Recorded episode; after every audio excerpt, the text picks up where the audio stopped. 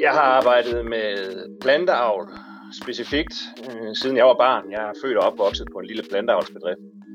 Og så øh, har jeg en agronomuddannelse inden for planteproduktion, og så har jeg en Ph.D., hvor jeg har specialiseret mig i, hvor langt kan vi nå med præcisionsjordbrug øh, inden for dansk landbrug.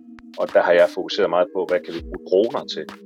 Jesper Svenskovs verden har nærmest altid kredset sig om landbruget. Lige fra familiens gård i barndommens Vestjylland til jobbet som forsker på Københavns Universitet har Jesper Svenskov lært alt mellem at køre en plov og lave svære beregninger på markforsøg. I dag er Jesper Svenskov klimaanalytiker i tænketanken Concito, der arbejder for at mindske verdens udledninger af drivhusgasser. Og jeg er tilknyttet det program, der hedder Fødevareprogrammet, hvor vi prøver at kigge på dansk fødevareproduktion og hvordan den har taget sig ud, hvordan den tager sig ud i dag, og hvordan den skal tage sig ud frem mod 2030 og de her 70% målsætninger, vi har, og 2050, hvor vi skal nå en netto nul udledning i fødevareproduktion. Der sidder jeg så som seniorkonsulent. Hvis du nu selv skal sige det sådan i al ydmyghed, så er det landbrug, du er vokset op på, og den form for plantebaseret produktion, der blev lavet der, er det et godt eksempel på, hvad dansk landbrug som helhed skal kunne mere af i fremtiden? Nej, det synes jeg ikke, fordi det, øh, det har været meget møntet på at producere foder til dyr, og en arealanvendelse, der ikke sådan har til gode set hverken biodiversitet eller miljø på nogle særlige måder. Det har ikke været noget, hvor vi har hvor, hvor min far har valgt at til gode se nogle af de problemer, vi har. Ham har jeg ringet til, fordi regeringen og Folketinget i de her dage og uger netop kæmper for at lave en aftale, der kan gøre landbruget grønnere. Det landbrug, som udgør op mod en tredjedel af Danmarks samlede klimabelastning, men som indtil videre er gået fri fra hårde klimakrav. Politisk er der stadig enorme uenigheder. Så hvad er egentlig de bedste svar, når det kommer til at omstille dansk landbrug? Det er emnet for ugens afsnit af Informations Klimapodcast. Mit navn er Martin Bag.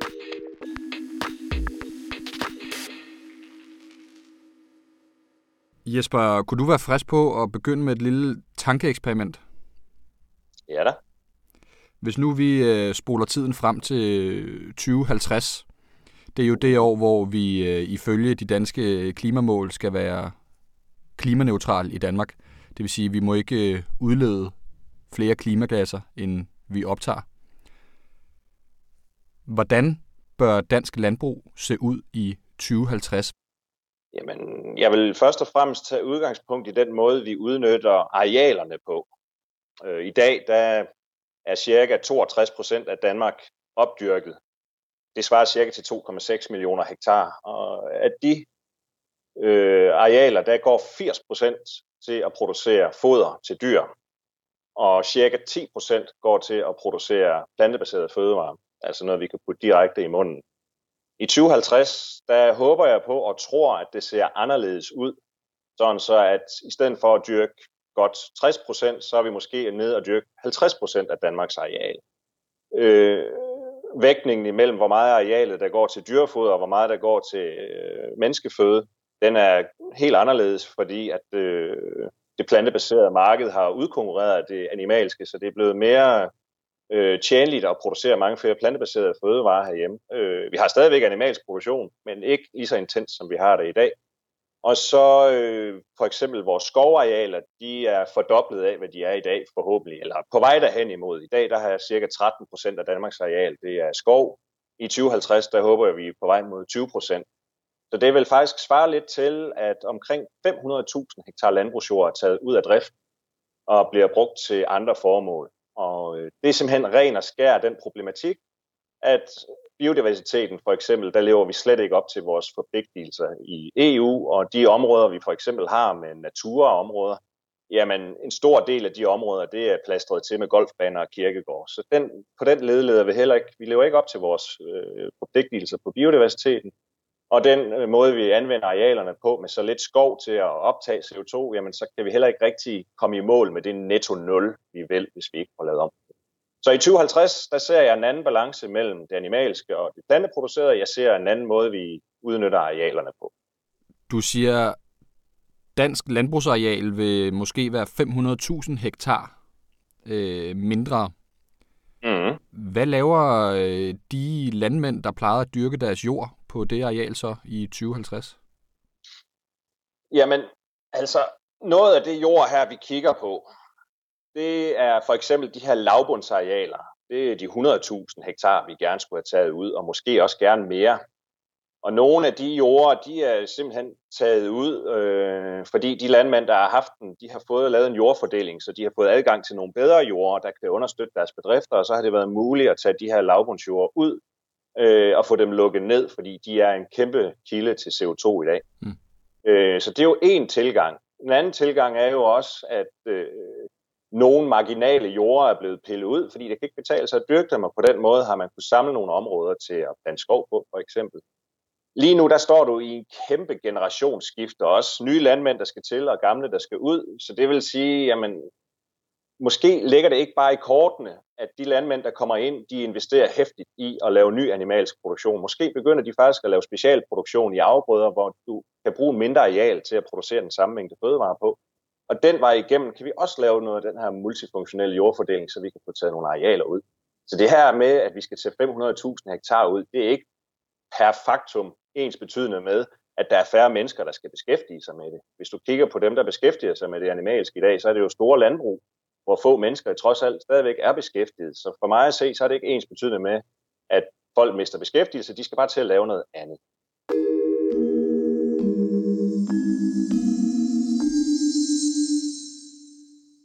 Kan du ikke prøve at gennemgå, hvad er det, der mere konkret skal ske i dansk landbrug, hvis vi skal nedbringe klimabelastningen? For nu sidder politikerne jo og forhandler om det her inde på Christiansborg i øjeblikket. Mm. Hvis de nu lyttede til dig, hvad for nogle initiativer vil vi så se politikerne sætte i gang i den kommende tid? Vi arbejder med et biologisk system, så derfor så er det så vanskeligt at få målsat, hvordan vi gør det. Og netop fordi det både er, er vanskeligt at få det målsat, men også vanskeligt at gennemskue, hvordan virker de her teknologier. Fordi nogle virker, og nogle virker måske ikke om, om 10 år, når vi er i 2030 fordi vi netop ikke har overblik over, hvordan sådan nogle biologiske systemer altid arter sig, når vi går ind og ændrer på dem. Så øh, er et første råd for mig, at det er at sats nu bredt. Vi skal have alle værktøjerne ned fra hylden. Det er en af tingene. Vi skal ikke satse snævert på nogle teknologiske fifs, eller satse snævert på at optimere nogle få steder. Vi skal have gang i en bred palette, fordi nogle af de her ting, de kommer ikke til at virke. Og så har jeg sådan øh, fire øh, slagord, jeg siger, som man skal kigge på. Det hedder stop, det hedder reducere, det hedder nytænk, og det hedder optag. Og det baserer jeg lidt på, at øh, dem, der hedder World Resource Institute, de kommer snart med en analyse af dansk landbrug, hvor de kommer med forslag til, hvordan når man netto 0 i 2050. Og, og hvis jeg skal sige, hvad betyder de her fire ting? Det betyder stop, det betyder, at vi skal have de her lavbundsjord taget ud. Øh, hvis vi kigger på de her lavbundsjord, og dem, der er i, i øh, spil til at blive taget ud, jamen så snakker vi jo faktisk om, at de her 70 procent ved 15 millioner ton, vi skal nå fra 1990 frem til 2030, jamen faktisk så de 4 millioner kan vi jo faktisk nå ved at få stoppet udledningen fra de her lavbundsjord. Så dem skal vi helt klart have gjort noget ved. Så hedder det reducere, det vil sige, at der er en masse forskellige værktøjer, vi kan sætte i gang nu i at reducere udledningen fra den produktion, vi har. Det er for eksempel, hvordan håndterer vi husdyrgødningen, sådan så vi har mindre udslip af lattergas. I stallene, der er nogle, øh, nogle øh, ret klare metoder, man kan gå i gang med, med at få det hurtigere ud på lager, og også hvordan udnytter vi husdyrgødning i marken. Foderoptimering, der er noget, der hedder stoffet X, som man kigger meget ind i, hvordan øh, kan vi forbedre fodret, sådan så køerne udleder mindre metan, når de spiser. Hvordan kan vi arbejde med alternative proteinkilder til soja? Fordi soja, det, det indgår ikke i vores territoriale regnskab, men, men vi henter jo en del soja ind, protein ind, som har et klimaaftryk ude i verden. Og der øh, kigger man jo for eksempel ind i græsprotein nu, hvor man kan tage protein ud af græsset og bruge det som proteinkilde, og så kan man fodre den pulp op, der er tilbage. Og, og noget af det, man faktisk ikke har kigget så meget på, men som Teknologisk Institut kigger på nu, det er protein fra algeproduktion, hvor man kan stille algereaktorer op og få rigtig god proteinproduktion ud. Og de har faktisk estimeret, at hvis man øh, sætter de her algereaktorer ud på 2% af Danmarks areal, så kan man faktisk øh, fjerne alt sojaimport. Så hvis vi skal ind og reducere der. Så skal vi ind og nytænke, det vil sige, at vi skal ind og kigge på nye dyrkningssystemer, der er mere, også er mere modstandsdygtige over for de klimaforandringer, vi kigger ind i. Og så er der det sidste punkt, vi lige skal have med der, det er jo det, der hedder optag. Og der skal vi have optaget noget CO2. Øhm, den analyse World Resource Institute kommer med omkring netto øh, nul udledning fra dansk landbrug i 2050, den inkluderer altså, at vi kan reducere omkring 75 procent mod netto nul i 75 procent kan vi simpelthen ved at reducere fra produktionen. De sidste 25 procent er vi nødt til at få optaget. Vi kommer aldrig i netto nul ellers. Og det er her, hvor de her øh, lavbundsjord, de jo skal pilles ud, men hvor der så skal plantes ekstra skov for at få optaget noget. Det er der, vi er nødt til at have en ambitiøs målsætning om, hvor meget skov det er. Og det var der, hvor jeg indledningsvis snakkede om, der var 13 procent skov i Danmark, og vi skal nok nærmere op mod de 20 procent. Og det er her, de her 500.000 hektar, de kommer i spil, som skal tages ud, som både er de her lavbundsjord, de her meget organisk rige jorder, der udleder rigtig, rigtig store mængder CO2, og så det her skov til at optage noget CO2 den anden vej. Så det er sådan de her øh, måder, man kan angribe det på med både at, at stoppe, reducere, nytænke og optage for at komme i mål. Når vi taler om den her arealanvendelse, altså måden landbruget bruger arealet på, der som du var inde på tidligere, 80% går egentlig til at dyrke foder, øh, i stedet for at lave øh, fødevarer til os øh, mennesker, kan man sige. Uh-huh. Så siger du vel også, altså når vi taler om det, så siger du vel også indirekte, at vi skal simpelthen lave flere, øh, færre øh, grise og køer i Danmark? Ja. Ja, ja vi skal i Danmark. Det, det er jo en diskussion, og det tror jeg, det er vi jo nok nødt til at skulle, fordi vi kan ikke vi kan ikke gøre de ting med vores areal, som vi gerne vil, hvis vi også vil blive ved med at have den øh, dyreproduktion, vi har. Og øh, hvis vi skal kigge på, hvad det er, øh, den, den globale omstilling, den, den efterspørger, så er det jo netop, at vi får en diætændring og et mindre madspild, som gør, at der bliver et mindre pres efterspørgsel på det animalske, sådan så vi kan begynde at fokusere på at dyrke flere plantebaserede fødevarer. Hvor mange færre grise og køer skal vi have, havde han sagt? Ja, det er et godt spørgsmål. Øhm, altså, hvis vi kigger på det, så, så det, det der er udfordringen i alt det her, det er, hvis du kigger igen ind i nogle af de scenarier globalt, som World Resource Institute kigger ind i, så siger de jo, at fra 2010 frem til 2050, der vil vi forvente, at der, der skal produceres 50% flere planteafgrøder, og efterspørgselen på det animalske mælk og kød vil nok stige med 60-70%. Både fordi der bliver 2 milliarder flere mennesker, men også fordi der er flere mennesker, der kommer i større velstand og vil efterspørge det, som vi som danskere i mange år har taget for givet, nemlig at vi bare kan spise kød og drikke mælk hver dag. Så derfor kommer der et enormt efterspørgsel, som vi skal finde ud af at, at leve op til. Øh, hvis vi kører business as usual med de øh, udbyttestigninger og de gevinster, vi har haft over de sidste mange år, på grund af, at vi er blevet bedre til at producere, og ikke gør noget fundamentalt i forhold til, at vi ændrer diæter osv., jamen hvis vi bliver ved, som vi gør nu, så ser vi ind i, at vi skal have 600 millioner hektar mere landbrugsjord på verdensplan for at kunne lave alle de her fødevarer. Og som World Resource Institute siger, hvis vi skal nå halvanden grads scenariet, så skal vi faktisk den anden vej, så skal vi have udtaget 600 millioner hektar landbrugsjord, der skal genplantes med skov for at nå halvanden grads scenariet. Så det er en kæmpe problem, vi har der. Så kan man sige, skal Danmark reducere sin husdyrproduktion? Jamen, hvis vi kigger på det koldt og køligt og rent klimamæssigt, så er det bedste, vi kan gøre, det er jo at producere de animalske produkter der, hvor det har det mindste klimaaftryk. Og Danmark, de, de har et lavt klimaaftryk. Det er der også en række andre lande, som vi sammenligner os med, der har, så det er ikke nødvendigvis ens betydende med, at vi skal fastholde vores animalske. Så kan man jo kigge på, hvor kan vi så påvirke mest hen? Og øh, hvis vi kigger på vores landbrugsproduktion herhjemme, så udgør den 0,04 procent af de globale udledninger totalt. Så vi er kun et lille bølgeskvuld. Så hvis vi skal noget, så skulle vi måske ind og påvirke den her transformation, der skal til globalt, ved at være et politisk og et teknologisk forgangsland, der viser både, hvordan man forbruger og spiser mere plantebaseret, og hvordan man producerer mere plantebaseret og bruger sin areal øh, på den måde, den skal bruges, nemlig til at producere flere fødevarer på et mindre areal og udtage områder til skov og natur. Og det er ikke ens betydende med, at vi fuldstændig skal lukke ned for den animalske eller noget som helst. Vi skal ikke til at, at gøre det på den måde. Men vi skal allokere penge og forskning og øremærke midler til at få den her værdikæde og den her plantebaserede tilgang op at stå og frem øh, forbruget af det plantebaserede.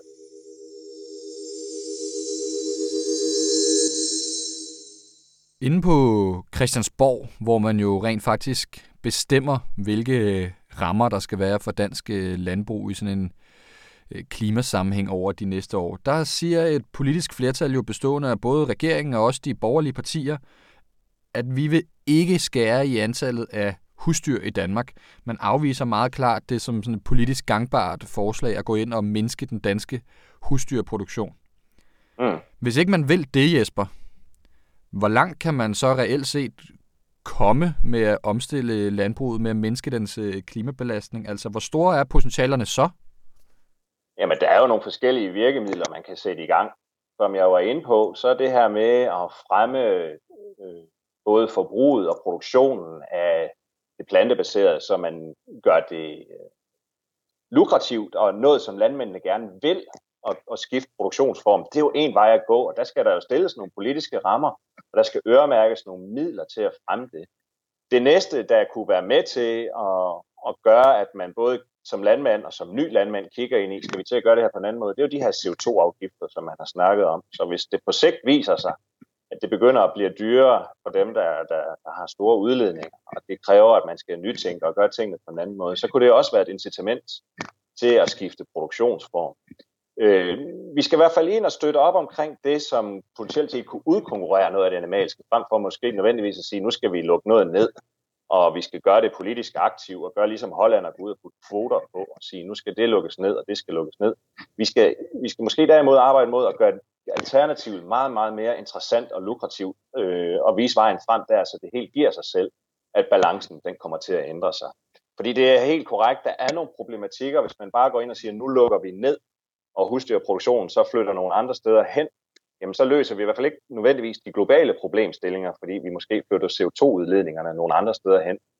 Så vi er nødt til at arbejde både på forbrugssiden og på omstillingssiden, så det helt giver sig selv, og det er markedsvilkår også, der er med til at trække det i den rigtige retning. Men det kræver stadigvæk nogle politiske rammer. Det er ikke bare noget, der kommer af sig selv. Og det her med at sige, at vi holder stadig fast i, at vi skal ikke ændre husdyrproduktionen. Jamen hør nu her, kig til Kina og kig til andre steder, de begynder altså også selv at producere deres egen øh, kød og deres egen mælk. Det vil sige, at vi kan ikke forvente, at det bliver ved med at være lukrative markeder heller for Danmark og satse så benhårdt på det animalske. Hvorimod vi kan se, at der er nogle kæmpe vækstpotentialer inden for det plantebaserede. Dem skal vi jo med på. Altså det her det er også et spørgsmål om at sikre danske landmænd, sikre de markeder, de skal ind på. Det er alt for usikkert at blive ved med at fokusere så hårdt på det animalske. Noget af det, vi taler meget om, når vi taler grøn omstilling af landbruget, det er jo landbrugsstøtten, øh, som, øh, som landmændene får for at bedrive øh, landbrug. Ja. Hvordan øh, spiller den ind på måden at lave landbrug på, og, og hvad kunne man gøre for i højere grad for den til at understøtte klimaomstilling? Jamen, landbrugsstøtten er jo en vigtig ting. For mange landmænd der er det jo med til at skabe overskud på det, de producerer ude på deres marker tit. Så den her direkte arealstøtte, den er jo ret vigtig, og den kan man jo godt bruge til at sige, at den gøres afhængig af visse tiltag. Altså du kan jo se tilbage for nogle år siden, øh, der udtog man jo en 8-10 procent af Danmarks øh, landbrugsareal til braklægning. Der var arealstøtten for eksempel afhængig af, om du havde øh, nok braklægning på din, på din bedrift. Der er også andre måder, altså der kan være nogle grønne tiltag, som din landbrugsstøtte den er afhængig af. Så hvis du skal have din direkte arealtilskud, så skal du have nogle grønne tiltag på din øh, ejendom. Så på den måde kunne man jo godt tage den direkte arealstøtte og sige, at den er afhængig af, at du laver nogle tiltag, der for eksempel til gode ser nogle, nogle øh, klimaaspekter. Der er jo helt klart også nogle muligheder for at bruge EU-støtten proaktivt til at lede landbruget i en, i en rigtig retning. Og der ved jeg for eksempel, at Økologisk Landsforening de sidder og arbejder på nogle modeller, hvor de siger, jamen støtteudbetalingen skal være afhængig af, øh, hvor meget udleder bedrifterne hvor man kan udvikle, eller man er ved at udvikle nogle bedriftsredskaber til at beregne klimabelastning på bedriftsniveau. Og der kan man jo godt gå ind og kigge på, jamen skulle man regulere støtten ud fra noget af det. Øh. Jesper, hvis nu vi havde en repræsentant for Landbrug og Fødevare med her på, øh, på en anden kanal, så tror jeg, at vedkommende vil sige, prøv at høre, det her det er helt enormt svært for, øh, for danske landmænd. De er allerede øh, rigtig øh, klimaeffektive på globalt øh, plan. Øh, der er hård konkurrence med udlandet. Hvis vi sætter for hårdt ind, så, så risikerer vi blot, at dansk landbrug flytter til udlandet, og i Polen er de ikke lige så gode til at lave øh, svin, som vi er herhjemme. Derudover så er mange landmænd jo øh, forgældet, altså, og vi ser jo øh, hvert år, at mange bedrifter simpelthen øh, går konkurs og så videre og så videre. Det er jo meget øh, kompliceret at, øh, drive øh, landbrug øh, i, i dagens øh, Danmark. Hvad vil du sige til alle de øh, sådan punkter?